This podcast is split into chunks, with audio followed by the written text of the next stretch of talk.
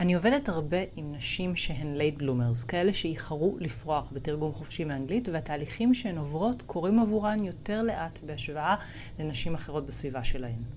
פעם חשבתי שזה במקרה שהן מגיעות אליי לקבל ליווי, אבל היום כבר לגמרי ברור לי שזה מאוד מדויק ושאני ממגנטת לעיתים מאוד קרובות נשים שהן דומות לי, שיש נקודות השקה ביני לבינן. ובכל מה שקשור ללהיות late bloomer, אני הכי הכי כזאת. בכל התחומים. ולכן מתאפשר לי ללוות late bloomers ממקום שבאמת מבין, מזדהה, מתחבר, ויודע מה זה להיות late bloomer. ומהמקום הזה, הבעיה הכי גדולה שאני מבחינה בה, זה הנטייה לראות את ה late bloomer יות הזאת כחולשה, כמשהו לא טוב, כמשהו שצריך אולי להסתיר או להתנצל עליו, וכתוצאה מזה גם נשלחת החוצה אנרגיה תואמת של אני לא כזה להיט. אז אם את מתחברת לתיאור הזה שתיארתי, אני רוצה להבטיח לך שאין לך על מה להתנצל, ואפילו להפך. אני הכי מאמינה שהעקרונות שנדבר עליהם היום יעשו לך קצת סדר וייתנו לך פרספקטיבה חדשה ומעצימה יותר על המצב. אז פתיח קצר ותכף מתחילות. היי, אתן מאזינות לפודקאסט קפיצה קוונטית, ואני נועה גורן, המנחה של הפודקאסט הזה. אני חוקרת את חוק המשיכה ועולם זימון המציאות משנת 2003, ומלווה נשים ליצירת חיים של שפע, הצלחה, אהבה והגשמת חלומות בעזרת כלים אנרגטיים ותודעתיים. אם את רוצה לקחת את החיים שלך קדימה ולמעלה ולקבל כלים, ידע ותובנות שיקדמו אותך בדרך שלך, אז הגעת למקום הנכון.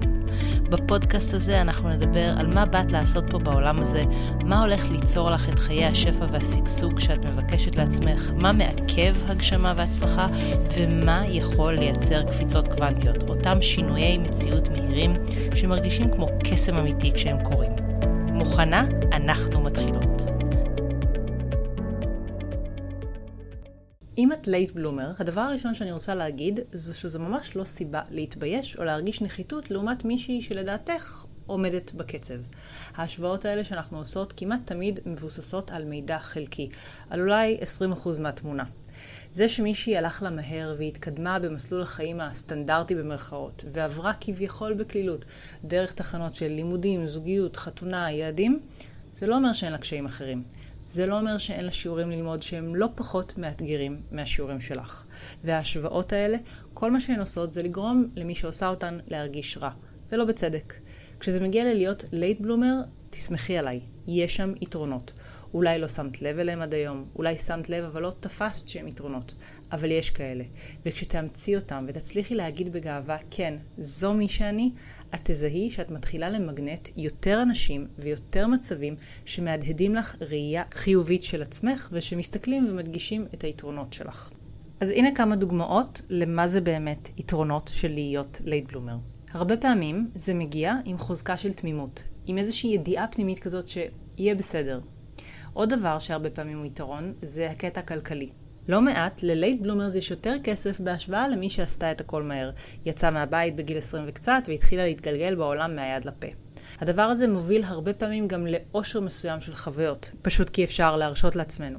נגיד, הטיול הגדול הראשון שיצאתי אליו לא היה אחרי צבא, אלא אחרי תואר ראשון, מה שאמר שהיה לי יותר כסף לטייל ולפנק את עצמי תוך כדי הטיול, בהשוואה לכמה שהיה לי אם הייתי עושה את הטיול הזה ישר אחרי צבא.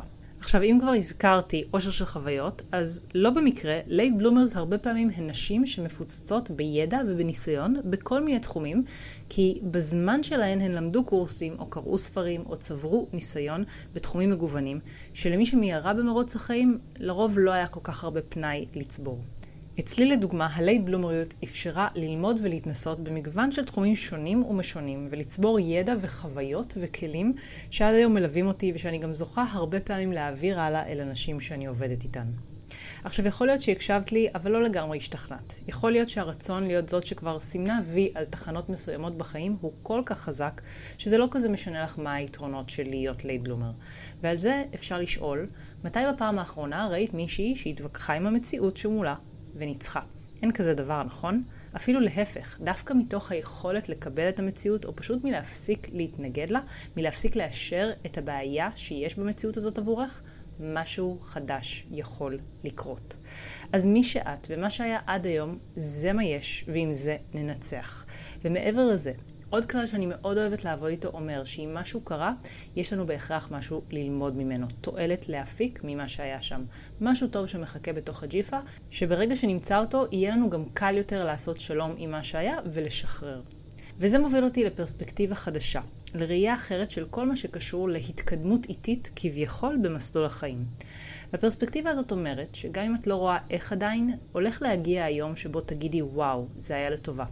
אני רוצה שתשמחי על זה שהיום הזה יגיע. תשמחי על זה שיגיע היום שאת תגידי, מזל שהזוגיות שלי לא קרתה קודם, או המשפחה.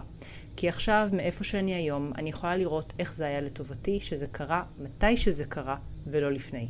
זה קרה כשהייתי מוכנה, עם הכלים, עם הבשלות הרגשית, עם כל מה שצריך. לא מעט נשים אומרות, אחרי שהן מצאו אהבה, שעכשיו הן מבינות למה זה לא היה יכול באמת לקרות קודם. ממש כמו באמירה הקלישאתית שראייה לאחור היא 6-6, וכשמסתכלים אחרי שהכל נגמר, אז הכל ברור, אבל את לא צריכה להגיע לסוף ולהגשמה המתוקה שלך בשביל לראות שמה שעברת היה מדויק, שמה שאת עוברת עכשיו הוא מדויק. את יכולה להחליט מראש שזה כך. גם אם את לא יודעת עדיין בדיוק איך הדברים הולכים ליפול למקום, את יכולה להחליט שהם הולכים ליפול למקום בצורה מדויקת ומדהימה, ומעבר לזה, את יכולה להחליט שזה שעד היום התקדמת לאט, לא אומר שאת לא יכולה להתחיל להאיץ תהליכים. זה הכי בידיים שלך. אוקיי, okay, אני ממש מקווה שאהבת והתחברת לפרק, וכמובן אם את מרגישה שזה הזמן לקחת את הנושא של זימון אהבה מדויקת צעד ענק קדימה ולקבל את כל הכלים שיאפשרו לך ליצור בחיים שלך את הזוגיות שאת באמת רוצה וחולמת עליה, אז אני רוצה לוודא שאת יודעת שאת העבודה הזאת של זימון אהבה זוגית מדויקת אני עושה באופן יומיומי עם הלקוחות שלי בתוכנית הליווי לאהבה. בליווי האישי את הולכת לקבל את כל הידע הפרקטי, התודעתי והאנרגטי שדרוש לך על מנת להפוך להיות האישה שמגשימה זוגיות אוהבת והדדית, עם מחויבות וכל שאר הדברים הטובים האלה שמגיעים עם קשר מדויק. רוצה עוד פרטים על התוכנית? פשוט לחצי על הלינק שמחכה לך ממש כאן בטקסט של הפרק ונמשיך משם.